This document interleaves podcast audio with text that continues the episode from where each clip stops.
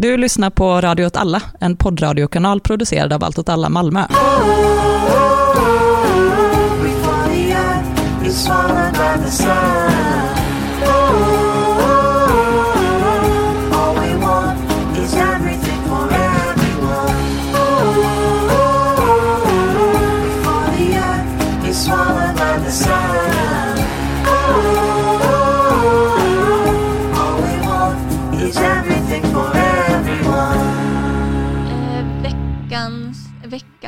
den här gångens eh, Att bränna en värld är lite annorlunda.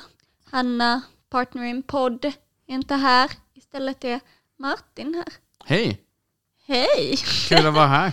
Ja, men kul att ha dig här hela vägen från Göteborg. Ja, Nej men eh, roligt att ha besök från eh, Göteborg. ja. Kul. Men hör mig annars i Vad händer Gbg och uh, Stundens hetta kan man också höra mig Just det, mm, jag poddar bara här. i Malmö. Exclusive i Att bränna en värld. Okej. kan man Mm. säga. Mm. Eh, vi eh, ska prata, jag ska prata lite i kulturdebatt. Ja, vad spännande. Kultur. Mm. Och jag har ingen aning om vad du ska prata om. Eh, jag ska prata om eh, Vänsterpartiets nya ekonomiska program, eller förslag till nya ekonomiska program. Jag kan börja. Oj. Jag som inte har ett så djupt ämne. Jag har nämligen varit eh, med i, i, jag har tagit del av en kulturdebatt som har eh, varit på DN, allas vårt DN, eh, och eh, i Sydsvenskan.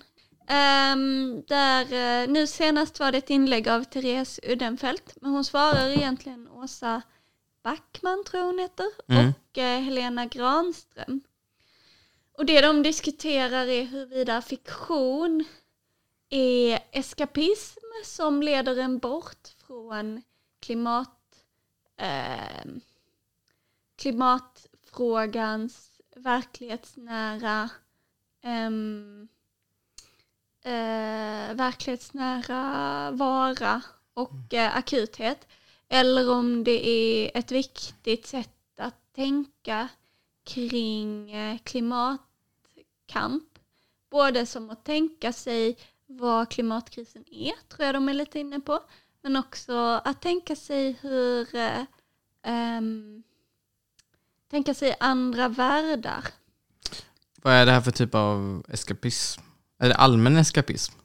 Eh, jag, kan läsa vad Helena Granström, jag kan läsa vad Helena Granström säger. Eh, eller vad, vad hon... Jag, jag har ju då inte det. Så jag vet ju bara vad Therese Uddenfeldts nidbild av Helena Granström. Men... eh, Du har inte ens, du har du har inte ens, du har inte ens skaffat texten från DN för, för researchen här. Nej men eh, jo, jag har faktiskt läst Helena Granströms text, Mm. men jag har, inte, jag har inte den uppe längre. Mm. Så det var ju tråkigt. Nej men Helena Granström skriver, nej men det är faktiskt i Sydsvenskan. Mm. Hon tycker att eh, berättelser distraherar oss från verklighet, eh, verkligheten. Vad behöver vi ens de här berättelserna till? Ehm, för hon menar ju då att klimatkrisen är liksom här och nu och omedelbar. Mm. De eh, liksom eh, diskuterar allmänt om tv-serier, datorspel, eh, filmer och romaner skriver eh, Granström. Så det är egentligen en, en ganska o... Eh, det är inte en sån insatt debatt där de ställer sig frågan eh, Maja Lundes klimatsvit, Nej. är den eskapism eller hjälper den i Mm. frågan? Eh, men då har de liksom, eh, på ena sidan så har de eh, den här idén om att eh, det är eskapism och på andra sidan så har de liksom idén om att te- eller de säger att fantasin är viktigt men egentligen så tänker jag att det de är inne på är typ att tänka kring klimatkrisen Ja. måste få ett utrymme. Nu känner jag att jag tog lite ställning här när jag skulle prova den här tanken. Ja. Så jag tycker att, eh, att tänkande kring klimatkrisen måste då få ett utlopp på något sätt. Men det här handlar liksom om föreställningar om andra verkligheter kopplat till klimatkrisen eller lösningar på klimatkrisen. Eh, alltså jag tror inte de är så, den här diskussionen är inte så eh, teoretiskt och, och ämnesmässigt stringent och sammanhållen, utan de rör sig ganska mycket. Så det är både argument om att ehm, om liksom litteratur som handlar om klimatkrisen, Mm. men det är också så för ju kanske framförallt Therese Uddenfelt ett eh, argument som handlar om att ehm, vi måste kunna föreställa oss andra världar. Mm. Typ som, ehm, ja, alltså jag tänker ju spontant både på Alltså den vanligaste klimatfiktionen är väl ändå någon slags eh, dystopian, den genren. Ja, Nu är inte du lika inne i popkultur som jag känner jag. men nu, dystopier till exempel. Ja, Eller men det var exakt du. Children of Men. ehm, jag vet att jag läste en bok när jag var tonåring som heter Exodus där Mm. eh, havsvattensnivån har eh, stigit jättemycket. Någon liksom tonårsbok Mm. där ehm, massa människor lever i någon slags ehm, dystopisk eh, värld där eh, vattnet har svämmat överallt och så finns det människor i någon slags reservat Mm, ehm, på land. Liksom. just det. Så har folk blivit då sådana havsnomader. Det är inte så verklighetstroget men Ehm, det, någonstans så kan man ju känna att det finns en liksom att det finns någon slags koppling mellan kanske hur ehm, nu, eh, nu kastar vi takes här. Ja. Men jag tänker att någonstans så känns det som att det finns en koppling mellan den här idén om att man är klimatdeprimerad, eller vad är det de kallar det, att man har klimatångest. Klimatångest och behovet att läsa de här eh, skildringarna. Ehm, som jag tänker är lite passiviserande för att vi Mm. lever i en tid där det typ det har aldrig varit så mycket skildringar av klimatkrisen på, Mm. eh, på typ i, i popkulturen generellt. Men samtidigt så, eh, jag tänkte säga så tuttar vi fjutt på den här planeten i en aldrig, Mm. nej men alltså vi eldar upp den här planeten i en hastighet vi aldrig har varit i innan. Mm. Eh, Så någonstans så tänker jag att det är en, men jag vet inte om man, ska man då se det som någonting passiviserande eller ska man bara se det som ett tecken i tiden? Liksom. Att, liksom, om man ser klimatångest som någon form av övermäktig dödsångest. Fast istället Mm. för att det handlar om mig och mina Mm. nära och kära så handlar det om Mm, hela existensen. mm, Då, men, men grejen med om man ska typ hantera sin dödsångest Mm. psykologi, då handlar det om att acceptera sin dödsångest. mm.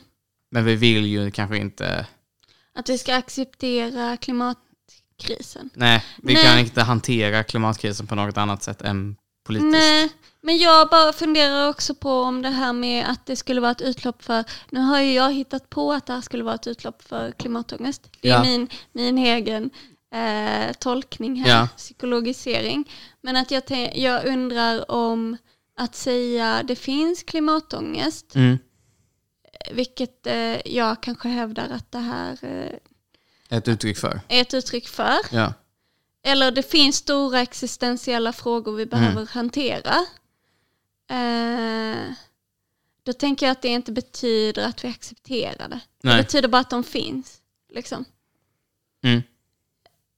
Och eh, jag tänker att det inte av nödvändighet behöver betyda att för att man har ångest så har man valt att acceptera det. Eller Nej. att det behöver inte betyda att det passiviserar. Nej. Däremot så tänker jag att jag tänker att det kanske är ett positivt tecken på det sättet att uppenbarligen så är det populärt. Och Mm. det betyder också att den här frågan är någonting som trycker Mm. liksom jävligt hårt. Tänker jag. Mm. Men eh, ja. Men de, använder, de diskuterar liksom inte överhuvudtaget eh, liksom berättelser om vad som skulle kunna finnas istället för klimatkrisen. Nej men, de säger, nej, men Therese Udenfeldt säger väl lite Mm. att, eh, att det är en positiv sak med Mm. berättelser. Mm. Eh, att det kan visa en värld bortom. Ehm, och då, nu har inte jag presenterat det här så mycket, men Therese Uddenfeldt är ju då en journalist Mm. och författare som har skrivit en bok som heter Gratislunchen. Mm. Som lite handlar om ehm, klimatkrisen men också konsumtionssamhälle Mm. typ. Eh, och eh, så jag tänker att hon är intresserad av det för att hon, hon har någon slags sån, vet, du vet det um, uttrycket så här, there is no free lunch. Mm. Alltså att det är där hon har lånat den gratislunchen Mm. ifrån. Och att, att hon menar att vi är i vägs ända här Mm. eh, för någon slags eh, framstegstanke eller så här tillväxttanke Mm. eller så. Alltså nu har inte jag läst några av de här texterna. Nej, Nej. men eh, det, det är lugnt. Ja, men eh, jag kanske kommer vara lite...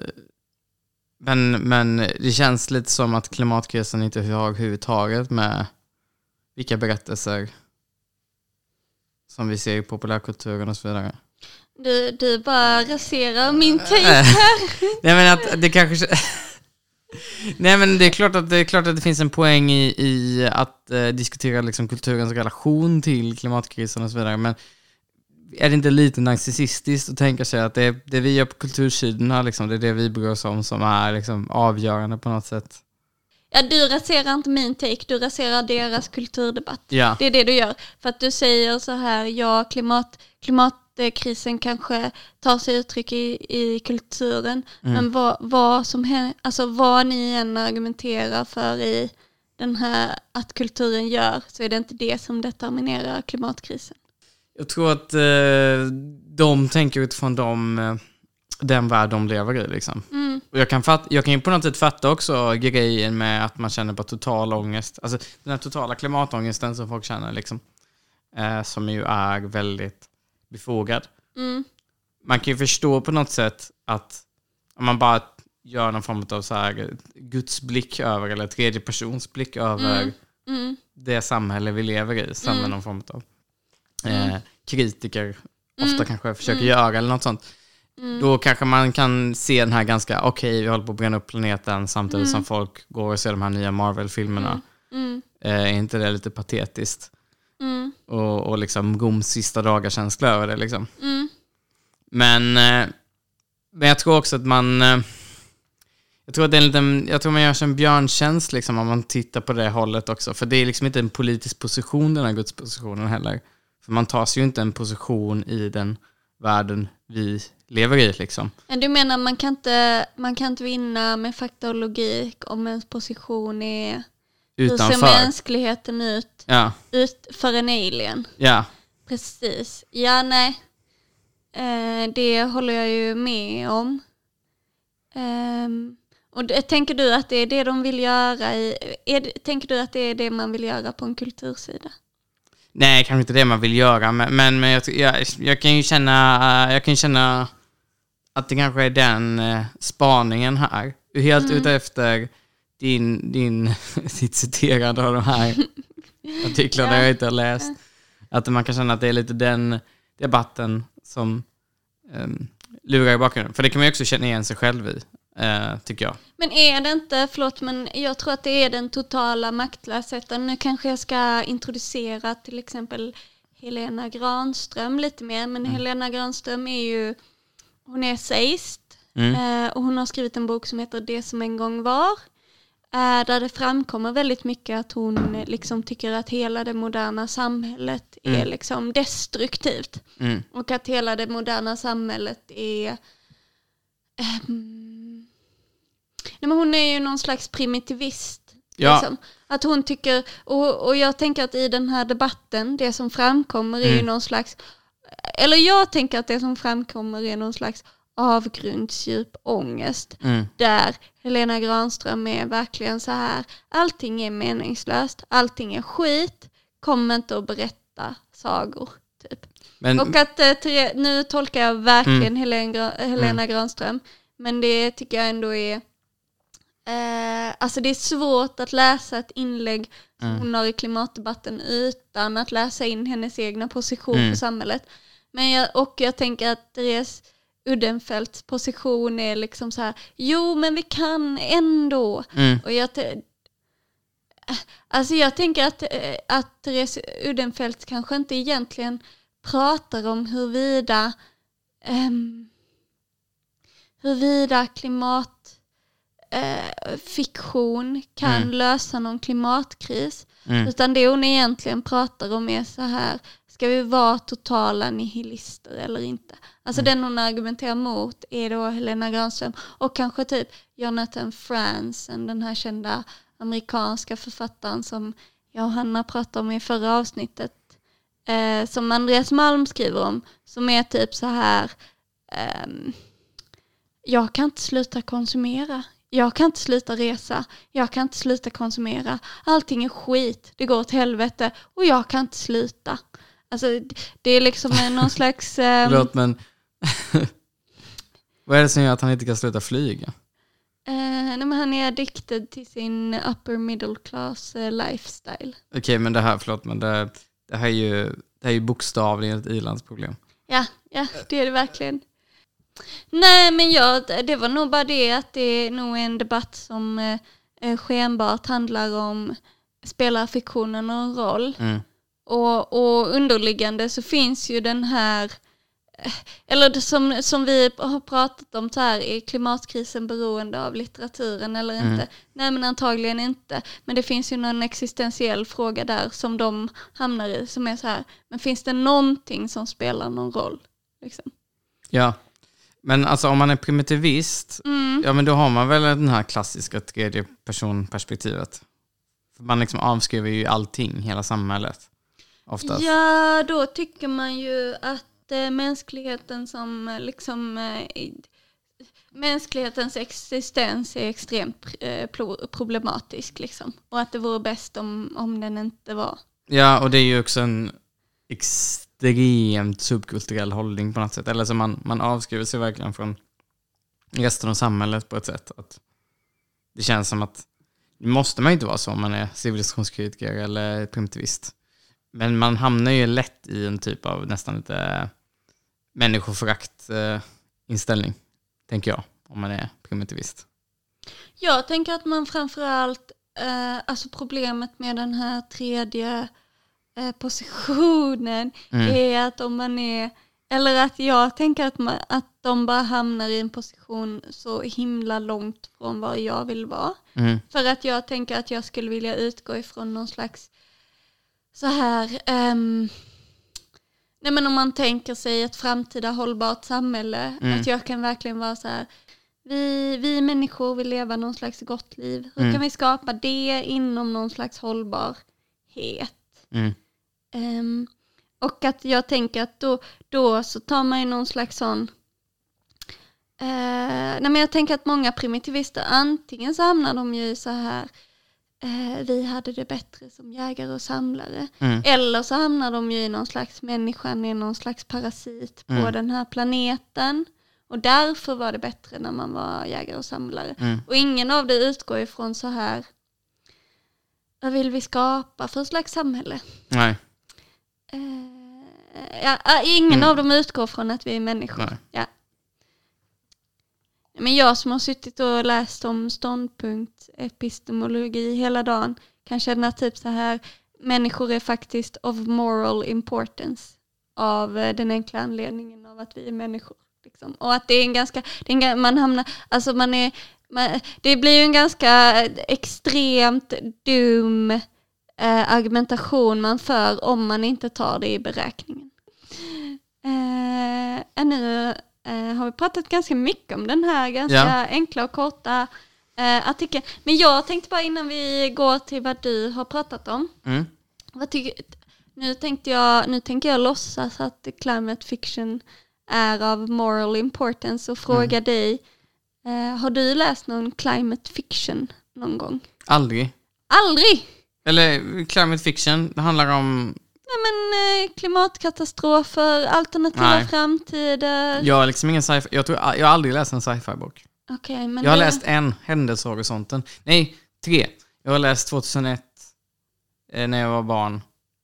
Livsgräns till galaxen. Just det, men ja, ja, Ja. där försvinner planeten jorden ja. Ja. För det ska byggas en det, är- det motorväg kan, där. just det, precis. Det är ju någon Så form av lite- ja, miljökritisk. Det är så, exakt där, ja. Det är väldigt Douglas roligt. Adams kommer med sin. Ja, ja. Eh, men, Och frågan eh, är, är Livsgräns guide till galaxen, är det, är det någonting som gör att vi inte vill lösa klimatkrisen. Har du läst någon klimatfiktion? Eh, ja, den här Exodus som jag pratade om har jag ju läst till exempel. Mm. Och sen så har jag ju läst um, Oryx and Crake Mm. som är Margaret Atwood, hon som har skrivit uh, Handmaid's Tale. Mm. Um, alltså Oryx and Crake ska liksom, um, eh, den utspelar sig i någon slags sån post, postkrisvärld. Ehm, där eh, det liksom, det finns, eller den, den utspelar sig både innan krisen och efter krisen. Och samhället innan krisen är väldigt så, Mm. nej men det är så, det finns de som lever, det finns de som, Mm. som kallas plebs i boken, Mm. som lever i getton Mm. eh, utan någon form av säkerhet eh, eller någon ordning på något sätt. Eller någon, eh, det finns en, en någon slags så här, ehm, eh, någon slags eh, herrens, eh, eh, vad heter det, trädgårdsmästare som är någon slags eh, platt eh, organisation Mm. eh, någon slags väckelserörelse som är platt organisation där alla tar hand om varandra men det finns liksom ingen eh, och sen så är det verkligen rå kapitalism Mm. eh, och det är så de som det är sådana gated communities som ägs av ehm, företag, stora Mm. företag Ehm, och den är, alltså säkerhetsmakten är verkligen deras privata vaktbolag. Mm. Och förutom det så... ehm, nej, men det är liksom... eh, ehm, och eh, det, det är en svit med tre böcker. Mm. Och i första boken så får man följa en kille som är mitt i händelsernas centrum. Mm. Liksom. Han lever i någon gated community. Man får följa hans liv och man får följa fram till krisen och sen efteråt. Eh, och sen i andra boken så får man följa samma tidsperiod. Mm. Fast från en person som lever i liksom eh, slum, Mm. slummen på något sätt. Eh, men de är liksom skrivna med, alltså med mening med ett så här väldigt plumpt och Mm. eh, ehm, så språk. De är bra men också ganska jobbiga att läsa. Sen Mm. håller jag på med Maja Lundes eh, klimatkvartett. Men jag är bara på första boken. Mm. Eh, vet inte om jag tycker att det, det känns ju lite som att jag kanske är den typiska läsaren av sådana böcker. Det Ja. vill säga någon som är redan frälst. Liksom. Någon som är intresserad av science fiction, dystopier och klimatfrågor. Men eh, vad jag tänkte, det glömde jag säga, men Mm. eh, Weather av Jenny Offill Mm. är inte en eh, sci-fi-bok. Det är bara en bok eh, som handlar, alltså Om det är bara väder. en skönlitterär bok. Eh, nej men den handlar nog lite om klimatångest, Ja. men så handlar det nog framförallt om eh, vardagsliv. Mm. Liksom. Eh, det var mina boktips där. Ja. Mm. Ja, jag har läst... Eh, Vänsterpartiet har ju kommit med ett nytt... Eh, eller ska lägga ett nytt förslag till ekonomiskt program till sin, till sin kongress. Alltså ledningen i Vänsterpartiet. Mhm. Tills- Tillsammans med deras chefsekonom Sandro Mm. Scocco. Eh, ja, Vänsterpartiets ledning och deras chefsekonom Sandro Scocco, som är bror med Mauro Scocco. Mhm. Mm, De eh, har lagt ett nytt förslag då till ett ekonomiskt program som då partiet ska godkänna i demokratisk ordning, antar jag. Mm.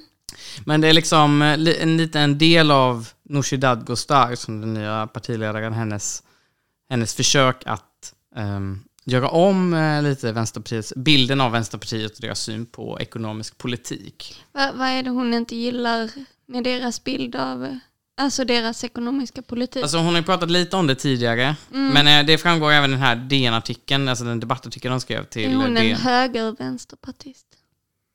Eh, ja, men det får man väl säga. Men högern i Vänsterpartiet har väl styrt sedan Jonas Sjöstedt åtminstone.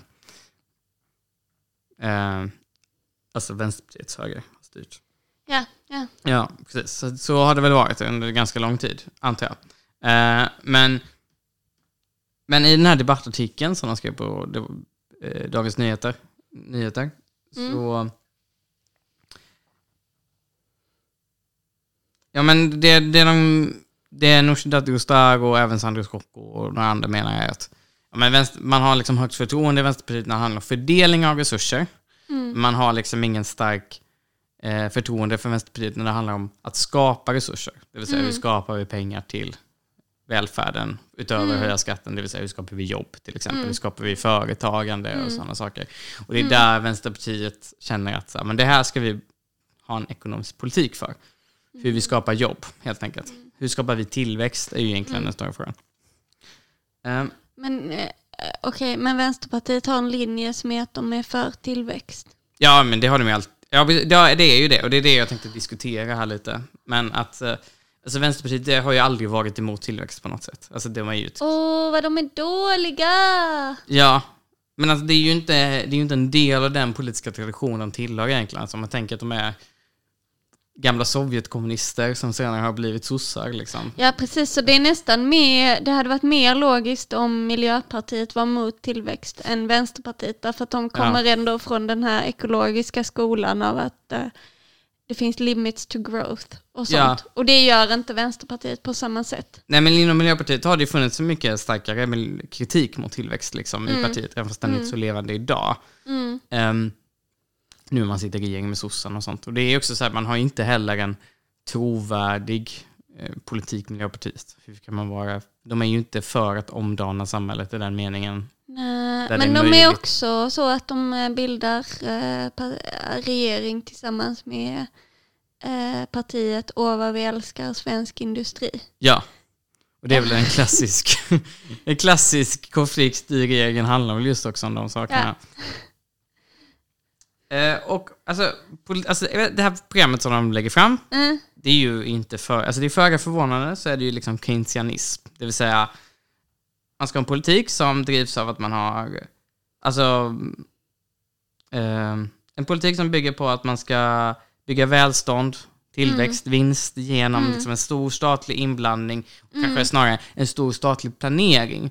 Alltså det brukar ställas i jämförelse med till exempel den nyliberala skolan som växte fram på 80-90-talet, som även sossarna och sånt drev Men igenom. är, är inte en typisk sån skillnad mellan keynesianism och hur man gör nu? Mer Mm. nyliberalt är att i kris i keynesianism så börjar man bygga vägar för att då får folk jobb och så blir det investeringar. Medan i nyliberalismen så är det så här austerity, Mm. eh, avskaffa er eh, välfärdsstat, eh, den kostar för mycket. Ja, Så har det väl varit i Sydeuropa. Typ. Ja, det är precis. Alltså den nyliberala skolan handlar väl egentligen inte om att man inte ska, staten inte ska involvera sig i ekonomin, men själva planeringen av ekonomin ska ske genom marknadskrafter. Så staten ska involvera sig i ekonomin på det sättet så att man ser till att marknadskrafter styr och planerar välstånd, tillväxt och vinst. Liksom. Så att det handlar inte om att staten inte ska involvera sig, men det handlar om att staten ska involvera sig eh, bara för att se till att marknaden funkar. Medan keynesianism handlar om att man ska mer aktivt planera delar av marknaden. Till exempel, okej men vi bygger vägar nu när det är kris. Eh, och vi behöver bygga vägar. Och det är typ av planeringstänk liksom. Det känns så extremt eh, 1900-talets ingenjörsvurm över Ja. keynesianism får man ju säga. Ja, det är väl, men det är Men intressant. också, också 1900-talets idé om att man kunde om, omdana samhället. Liksom. Ja, det är en Det väldigt... är ju en död idé idag kan Ja, man säga. det, det man För oss säga. klimataktivister så är det ju riktigt trist. Men det är ju en död idé idag. Det är en död idé. Men det är intressant, det keynesianism var ju en levande idé liksom bland, från, från socialdemokrater till konservativa regeringar över hela Europa. Precis Drevs som nyliberalismen nu är levande från sossar till moderater. Ja, exakt. I hela Europa nu. Precis, men keynesianismen är ju inte vänster i den meningen som man Nej. föreställer sig eh, egentligen. Alltså det är klart att socialdemokrater oftast har varit mer, för mer planering Mm. av ekonomin än vad konservativa och liberala regeringar har varit. Mm. Men fram till 80-90-talet så var ju alla regeringar på något sätt drivna av keynesianistiska idéer i Europa. Men frågan är vad det här har med klimat att göra. Jo, det har ju väldigt mycket med klimat att göra. Jo, jo. Eh, Jag bara skulle föra det tillbaka där. Ja. Nej, men jag ville fråga om, eh, om keynesianismen har något ursprung i eh, världskrigens krav på att ställa om hela, att samhället blev, alltså att staten blev så extremt styrande då. Och planering var så extremt viktigt. Världskrigen var visade väl på något sätt att statlig planering funkar, tror jag. Ja, precis. Och Sovjetunionen Mm. Och s- så svensk socialdemokrati var ju väldigt så tydlig, ja okej det funkar med planering. Mm. Och så slutade det funka, tycker man, på 80, 70-80-talet och så kommer nyliberalismen och ersätter. Mm. Är väl i princip den klassiska berättelsen om hur utvecklingsteorier kring ekonomi har sett ut. Ja, jag har aldrig hört någon annan. Nej. Men Vänsterpartiets, eh, det här är ju en keynesianistisk politik och liksom det som skiljer det här från tidigare keynesianism kan man väl säga är fokuset på hållbarhet. Mm. Att de påpekar att okej, men vi behöver en statlig planering Mm. för att skapa en grön tillväxt, en klassisk, vad ska man säga, skapa en miljövänlig, klimatvänlig industri. Mm. Och det är ju, de här idéerna har ju funnits från vänsterhåll. Bernie Sanders hade ju idén om, eller den amerikanska vänstern har pratat om Green New Deal. New Deal var ju en gammal keynesianistisk politik. Mm. Eh, fast man då ska ha, göra den grön istället. Man ska göra klimatinvesteringar istället för Mm. fossilinvesteringar som det kanske var Mm. tidigare. Mm. Eh, och även i, även i eh, Storbritannien så Jeremy Corbyns och hans Labour pratade ju väldigt mycket om Green Industrial Plan eller vad det var. Jag minns inte vad det heter. Mm. Samma i princip. Så idén är på något sätt att vi, vi kan stoppa miljö, klimatkrisen och skapa nya jobb, eh, lösa den arbetslös, stora arbetslösheten vi har, skapa mer resurser till välfärden och allt det här. Mm. Det är liksom konceptet egentligen. Och det här är ju egentligen en ganska lång konfliktlinje egentligen, för det finns ju de som tycker att grön tillväxt, Mm. det går inte. Nej, Till exempel Greta Thunberg är en sån person. ja. Jag antar att du också är en sån person. Som inte tycker att grön tillväxt går. Alltså jag, är, jag har andra, eller jag tänker att det finns andra kvaliteter med den här Green New Deal. Som är helt enkelt att, eh, alltså även om vi inte behöver tillväxt Mm. så behöver vi ju en omställning. Ja. Alltså jag tänker att vi, vi det, det är klart att vi kan dra ner på Mm. energiförbrukning och så. Men vi behöver också en del. Liksom. Mm. Att jag, jag är nog ganska skeptisk till den här fåran som är så här. ehm, vi konsumerar ju bara för mycket, vi måste sluta med allt. Mm. Ehm, för att jag kanske, alltså när, ehm, nej men typ att mitt klimatavtryck är, för, enligt alla sådana undersökningar, Mm. så är det för stort.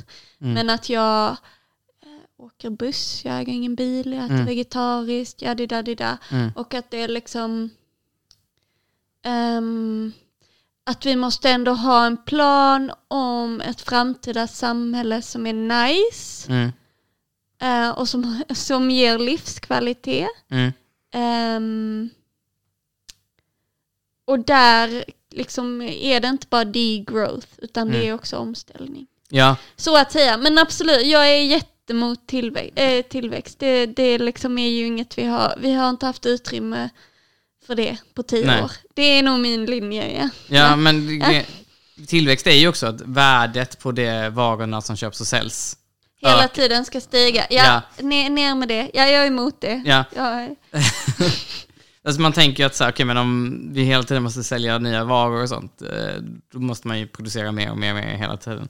Mm. Eh, Så kan vi drunkna i ett berg av våra saker. Ja, precis. Och det, det funkar ju. Det, ju.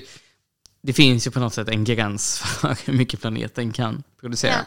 Ja, ja. Ehm, Det tycker jag kan vara så, alltså att det finns något tragiskt i att, eh, alltså nu är ju det här bara nostalgi det jag säger nu. mm, Men att eh, för typ, ehm, att typ eh, när vi skulle rensa ut min mormor och morfars dödsbo mm, så är det liksom ett berg av saker som Mm. ingen vill ha. mm, Ehm, och att det finns något eh, liksom djupt tr- tragiskt i det där. Mm. Att vi har eh, liksom eh, skapat, skapat ett samhälle som kan producera eh, berg av saker vi inte vill ha. Fast det Mm. är så oerhört eh, dåligt på att producera livskvalitet. ja, Eller saker vi vill ha ens. Men det är väl lite för att det är lite två olika saker liksom. Det är ju Ja. när, men liksom det här med att man har en iPhone och sånt. Det är ju ganska Mm. många som har det idag. Mm, andelen av människor som ökar, får, alltså får tillgång till en iPhone, eller Mm. till en smartphone kanske snarare, har ju ökat eh, ganska högt procentuellt sedan typ 2005 eller vad det Mm. är. Eh, nästan oändligt många procent kan jag anta om man skulle räkna på det.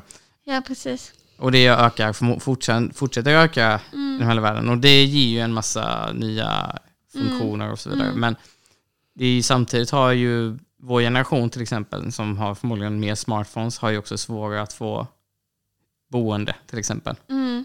Som kanske är mer grundläggande och Ja, viktigare eller i typ människors så liv. att vården går på knäna. Ja. Och det kanske, eh, ja men att det är ett jätte, jätte, jätte konstigt sätt att mäta livskvalitet. Mm. Om man nu ska mäta det på hur ens, ens materiella eh, tillgång, alltså, Mm. eller, eller så här ens, ens amount of saker och Mm. inte mäta det på så ekonomisk trygghet, Mm. bo, bo, tryggt boende, trygg Mm. eh, tillgång till vård, Mm. Ehm, som jag tänker är liksom om man ska kolla på att livskvaliteten steg under Mm. 1900-talet så var det väl f- framför allt sådana saker. Mm. Liksom. Men alltså jag tänkte på, för att det här är ju någonting som har diskuterats väldigt mycket i miljörörelsen och vänstern, Mm, just synen på tillväxt. mm, Inom Miljöpartiet har man ju blivit allt mer för grön tillväxt också. Och sossarna är ju grön tillväxtförespråkarna nummer ett. men det är för att de älskar svensk industri. Ja, men alltså, deras, eh, alla partier är ju för tillväxt. ja, jo, Det hade ju varit jo. helt, alltså det hade varit politiskt självmord att vara emot tillväxt. För det är väl också så att ekonomin fungerar ju inte utan tillväxt. Nej, så om de säger vi är inte för tillväxt då måste de någonstans också säga så här vi behöver en revolution. Ja, Eller en vi an- samhällsomdaning i Antingen så tycker man att vi behöver ett helt nytt ekonomiskt system, Ja, eller vi ska för leva i en finanskris resten av ja, liv. ja, precis. Mm. Eh, det, är, det, är väl, det är väl lite det man menar, tänker jag. Mm. För det finns, jag tänker att det finns två perspektiv kritik. Alltså, eh, inom marxismen till exempel, Mm. Marx och Engels och de, de här klassiska gubbarna, de var ju, de menar ju in, hade ju inte det här perspektivet på samma sätt att ekologin hade en så tydlig gräns. De var ju Nej. väldigt kritiska mot det. De var ju kritiska mot han Malthus som var en, Mm. var en, eh, vet inte vad han var, ekonom eller vad han var. Ja, någonting var han. Ja. Malthus som var en teoretiker som tänkte Någonting var han. Mm. Malthus som... Malthus, men det är ju han som har den idén om eh, befolkningstillväxt. ja, precis. Liksom. problemet är att vi måste sluta vara så många människor för begränsande, resurserna på jorden är begränsade. Mm. Där, alltså, lite implicit så kan man läsa in att vi måste ha befolkningskontroll, det vill säga vi måste hindra människor att föda barn och vi kanske i Mm. värsta fall behöver Mm. döda människor. Mm. Och, och många ekofascism till exempel, den här, i, Mm. den här ideologin man aldrig stöter på i verkligheten. Men teoretiskt sett så tycker ju de då, så är deras argument, um, eh, är den här, de här imaginära ekofascisterna skulle ju till Mm. exempel förespråka att man eh, helt enkelt har befolkningskontroll. Jag tror att det är, alltså ekofascisterna är ju inte så vanliga. Däremot Mm. tror jag att den här åsikten att vi bara är för många eh, och så är vanligare bland eh, de som är nihilister. Eller Mm. de som är så här, det Mm. går inte, det är för sent. Mm. Där tror jag att den är vanlig. Ja, Marx var ju inte sån. Han, han, han, var, han, han gillade ju idén om att vi skapar mer värde. Alltså han men, Mm. menar att vi kunde skapa mer rikedom åt människor. Ja, Och rikedom ja. betyder ju då reell, inte pengar egentligen, utan Bättre liv. bättre liv, Ja. liksom. Mer, Ja. bättre materiella resurser och Ja. vad det nu kan vara. Liksom. För att inom marxismen har man ju inte, alltså marxismen har inte haft tillväxtkritik nödvändigtvis. Mm. Men man har ju ändå haft ett begrepp och en typ av politik som har... Eller man har ändå haft en syn på politik Mm. som jag tycker får plats med tillväxtkritik väldigt mycket. Mm. Även fast jag kanske inte är marxist nödvändigtvis. Men till exempel man har ju det här begreppet ackumulation. Man menar att kapitalismen bygger på ackumulation av kapital. Mm. Vilket egentligen betyder, alltså det är ju egentligen exakt som det vi kallar tillväxt. Det är Mm. pengar måste växa. Inom Mm. kapitalismen, kapitalismen bygger på att pengar hela tiden Mm. växer. Mm. Så att, ja. Kapitalismen strävas hela tiden efter tillväxt. Det är ju Mm. egentligen grunden. Mm. Och det skapar en typ av ekonomisk logik som producerar, liksom, som gör att, ja men, vi måste tillverka saker hela tiden. Och den här känslan av att vi kan inte göra någonting åt klimatkrisen. Mm. Den här känslan av att vi är helt helt passiva inför den här eh, verkligheten som bara spelas ut framför våra ögon. Mm. Det är Känslan som, eh, som sen utspelar sig i någon slags meningslös kulturdebatt Ja. på eh, Sydsvenskan. Exakt. Ja. Eh, den, den, ehm, den, den skulle man liksom inom mm, Marx och sådana skulle förstå det som att det här är liksom uttryck för hur kapitalismen liksom tar, alltså att vi styrs av ekonomiska lagar som inte är våra. Mm. Så kapitalismen framträder för oss människor som att det är ett naturligt system eller en andra natur eller vad man ska kalla det liksom. Mm. Eh, som, som trots att den uppenbarligen är ett resultat av mänskliga interaktioner och mänskliga handlingar Mm. framstår som något som vi inte kan göra någonting åt. Den eh, liksom bilden av kapitalismen tycker jag är så himla vanlig att man stöter på. Att människor, eh, eh, nej men ganska vanligt är att människor är så här, så här har det alltid varit. Mm. Eh, kapita- alltså när man pratar om kapitalism. Och det här kan vi aldrig ändra på. För det här är en, och så är det som att de tänker att det är någon slags naturlag. Ja, men på något sätt så är det ju lite så också inom kapitalismen. Alltså så här, problemet om Vänsterpartiet skulle säga vi är emot tillväxt är att de skulle vara för arbetslöshet. Ja, För, och det de säger på något sätt, vi, vi tycker inte det är kul med människor som är arbetslösa på det sättet. Som inte har råd att bo någonstans eller kan inte leva de liven de vill leva och så vidare. Det är ju fruktansvärt Men då kan, då kan man ju säga så här, det är ju lame av Vänsterpartiet att vara så här, vi ska göra en plan inom kapitalismen. Men det är också helt eh, idiotiskt att inte göra det. Alltså jag tänker att jag, jag vill inte kritisera Vänsterpartiet för att de inte är eh, något annat än vad de är. Liksom. Det vill säga att de är ju ja, de är ett parti i parlamentet som eh, driver någon form av socialdemokratisk politik. Jag tänker att man inte ska förvänta sig så mycket mer av dem. Men jag tycker att det är en intressant diskussion. För jag tänker att min andra, den ena kritiken är ju på något sätt, det går, om vi har tillväxt oavsett hur grön vi gör den så bygger det på att vi ska tillverka mer varor och tjänster ekologin har en gräns så att i någon framtid, oavsett vilken det är, så kommer det finnas en begränsning av tillväxten. Det kommer inte kunna, det är den ena tillväxtkritiken. Men den andra tillväxtkritiken jag skulle vilja säga är ju att det finns ju de som menar att men istället för att vi bara producerar massa grejer, Mm. ska vi börja producera tjänster. Men då tänker de då också att man kan öka eh, antalet tjänster i all oändlighet. Exakt. Det är ju dumt. Ja, men det intressanta är ju att väldigt mycket av den här typ av politik som Miljöpartiet driver i regeringen och budgeten och så vidare, det är att de vill promota tjänstesektorn som är mer miljövänlig. Mm. Så man ska till exempel få, ja, man kan få skatteavdrag och laga sin cykel till exempel. Det är typ av grön tjänst. Mm. Nu bidrar man med pengar i ekonomin för cykellagfixarna och det är inte så dåligt för miljön att göra det. Ehm, Men det har väl ändå en annan kvalitet som är att eh, saker håller längre. Jo, men jag menar, det min, min, eh, jag tänker att eh, poängen är ju på något sätt att idén med grön tillväxt, om den skulle funka och inte vara dålig för miljön, Mm. är att fråga, okej, men vad är, vad är det som behöver hända för att vi ska ständigt producera de här tjänsterna? Mm. Då har man ju några exempel på det. Mm. RUT är en sån tjänst. Mm. Den använder man ju inte så mycket. Nej, jag använder inte den. Men om man tänker så här att vi städar våra egna lägenheter. Eh. Hade det inte varit smart om vi tog in någon annan som städade min lägenhet och så betalar jag den för den? Det här är någonting jag gjorde tidigare, men nu har jag gjort det till en vara. Därför har jag skapat tillväxt. Du menar man eh, då ackumulerar, alltså man skapar, man inlemmar mer och mer i, i den kapitalistiska marknaden. Eh, l- Del av livet som inte har varit en del av eh, den kapitalistiska marknaden längre. Precis. Eller innan menar jag. Eh, ja, jag känner mig spontant så känner jag eh, att det här låter skit.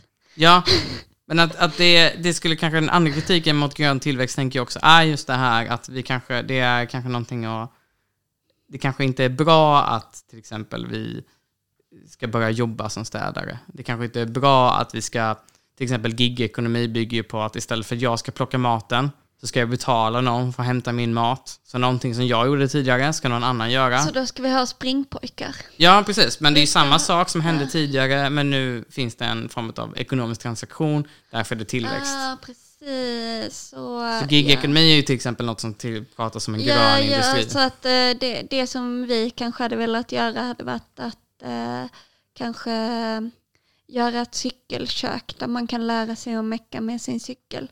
Men så istället så vill, eh, så vill Miljöpartiet att man ska betala någon för att mecka med en cykel. Ja, Nu är ju det en sak som redan finns, men eh, du fattar vad jag menar. ja, precis. Men poängen är på något sätt att grön tillväxt bygger på något sätt att vi ska hitta på, antingen ska vi hitta på saker att göra om och om igen. Nya saker att göra. Eller så ska vi, det vi gjorde tidigare ska vi göra fast i en ekonomisk transaktion. Och kritiken man kan ha mot det då är ju inte bara i termer av någon form av flummig gröna vågen eh, inställning, utan det kan vara en kritik mot kapitalismen i sig själv. In, tycker jag håller, får plats en sån kritik. Varför ska vi var, varför ska vi allting vara en del av de här ekonomiska relationerna hela precis. tiden? Varför ska allting vara en marknad? Mm. Så vi skulle kunna, alltså om tänker, vi skulle kunna, om man tänker utanför kapitalismen så skulle vi kunna leva liv där att saker och ting, där vi skulle kunna leva mer hållbart och inte ha kravet på att ständigt skapa nytt kapital, ständig tillväxt Mm. liksom. Mm. Eh, Men eh, jag tänker att eh, min kritik mot det här är typ samma kritik som jag har mot eh, prostitution. Som är att när folk är så här, men allt arbete är ju exploatering, så känner jag, fast varför ska man inlemma fler och fler delar av livet in i någon slags eh, kapitalistisk logik? Varför Mm. ska eh, sex vara en transaktion? Liksom? Prostitution är ju faktiskt någonting som också har argumenterats för av den anledningen att det skapar tillväxt. Alltså när man legaliserade prostitution i Tyskland så var ju detta argumenten till exempel. Att det, ja men det är en, då skapar vi en ny industri eller? Ja, men också alltså om man då tillåter eh, alltså alla saker som man inte tillåter nu som man skulle tillåta hade ju skapat tillväxt. Ja. liksom. Eller det, det är ett jättedåligt argument. Eh, ja men det är dumt bara. Mm. Mm. Det är det. Men jag tänker ändå att det finns en fåra, kanske inte inom, eller lite inom Miljöpartiet men kanske framförallt inom dess rörelse. Mm. Eh, som är väldigt mycket det här med eh, sharing och jobba mindre. Eh, att det, att, eh, kan, alltså det, att det finns en sån friluftsbibliotek där man kan Mm. låna friluftsgrejer och cykelkök och eh, ge med bilpoolar och Mm. ehm, den typen av icke-kapitalistiska och, och den här idén om att livskvalitet handlar om tid typ, Mm. istället för eh, pengar. Typ Mm. som någon slags antikapitalistisk fåra. Sen kanske det var med Carl Schlüter när han stack ur Miljöpartiet. Problemet är att det är så svårt att se exakt hur en sån budget skulle se ut, tänker jag. Ja nej men den kan de ju aldrig lägga. Ja. Eller det, det är väl också för att, alltså att eh, klimatrörelsen och Miljöpartiet står gräsrötter är drömmare. Mm. Eller, och, det är ju, och det är väl därför de är, man är så extrem. Man är, jag, nu la jag in mig själv i fåran av de här rörelsen där. Men det får jag väl ändå säga att jag är. Att det det är därför man är så extremt bitter på Miljöpartiet. Mm. Ja, för att de körde realpolitik. Budgetar kan inte innehålla drömmar. Kanske. Nej, det var en tråkig sak att säga. Det var en jättetråkig sak Ja. att säga. Men jag tänker att det är en sak att föra, alltså att när man eh, gör en budget så får Mm. man ju, alltså man behöver inte vara så här, ja, vi, om vi inte är revolutionära så, är vi, så gör vi ingenting. Mm. Men man kan ändå vara så här, pekar det här i rätt riktning. Mm. Och att varifiera mer och mer. Är väl kan, eller att inlämna mer och mer på en marknad Mm. är ju kanske inte rätt riktning. Och jag tänker också att det är en sån kortsiktig lösning. Mm. Att det är som man tänker att det här skapar lite grön tillväxt. Men det man gör är att köpa tid. För den här, man har ju fortfarande kvar den här eh, driften till tillväxt och ackumulation som gör att när man har uttömt det området för tillväxt då kommer det ju fortfarande, alltså då letar, då, då, eh, då, då är, behövs det fortfarande nya marknader. Mm. och ny ackumulation. Mm. Och då, ja, då har man köpt sig lite tid. Det kan jag känna mig så skeptisk till sådana. Det finns en idé inom eh, miljörörelsen som heter så här donut economy. Mm. Som är så här att man ska hålla sig eh, inom ramar som handlar om eh, den övre ramen är liksom eh, någon slags eh, vad som är hållbart. Mm. Och den undre ramen är liksom vad som är kvalitativt. Mm. Och så ska man hålla sig däremellan. Men att det alltid handlar, alltså det, att man aldrig kan hantera att det, det där handlar hela tiden om att ty, tygla krafter. Eller att Mm. arbeta emot eh, ackumulationen Mm. då. Liksom. Och att det verkar bara vara, vara så dumt, eh, hela idén om Mm. ett så skört system Mm. som hela tiden måste arbeta mot sig självt. Mm. Liksom. Ja. Eh, ja, nej men det är ju intressant. Men ja, precis. Men Vänsterpartiet lägger ju det här förslaget då i alla fall på grön tillväxt. Eh, Mm. Men jag tyckte i alla fall det var intressant att liksom ta upp en diskussion om det här då. Eh, Mm. Någon form av kritik mot kapitalismen. Totalt. Men eh, de tänkte sig grön tillväxt som, var de inne på tjänster? Ja. Nej, de var, nog, de var nog mer inne på liksom att vi ska bygga mer klimatsmarta hus och bygga höghastighetståg och sånt. Mm. Men det, är man inne på den linjen, men det, det är i och för sig nice med höghastighetståg. Men, ehm, men det, är, eh, det leder ju, det innebär ju på något sätt att vi ska använda mer av resurserna på jorden. Ja, och det, eller jag tänker att en, en Alltså en, eh, ett problem med det här är ju att om man tänker sig den här keynesianistiska, vi ska investera oss ur en kris, då har man ändå tänkt att den här investeringen är kortsiktig. Mm, Men den här gröna omställningen som ska innebära tillväxt, mm, då innebär ju också det att man ska, alltså att, att den tillväxten måste man ju fortsätta att skapa.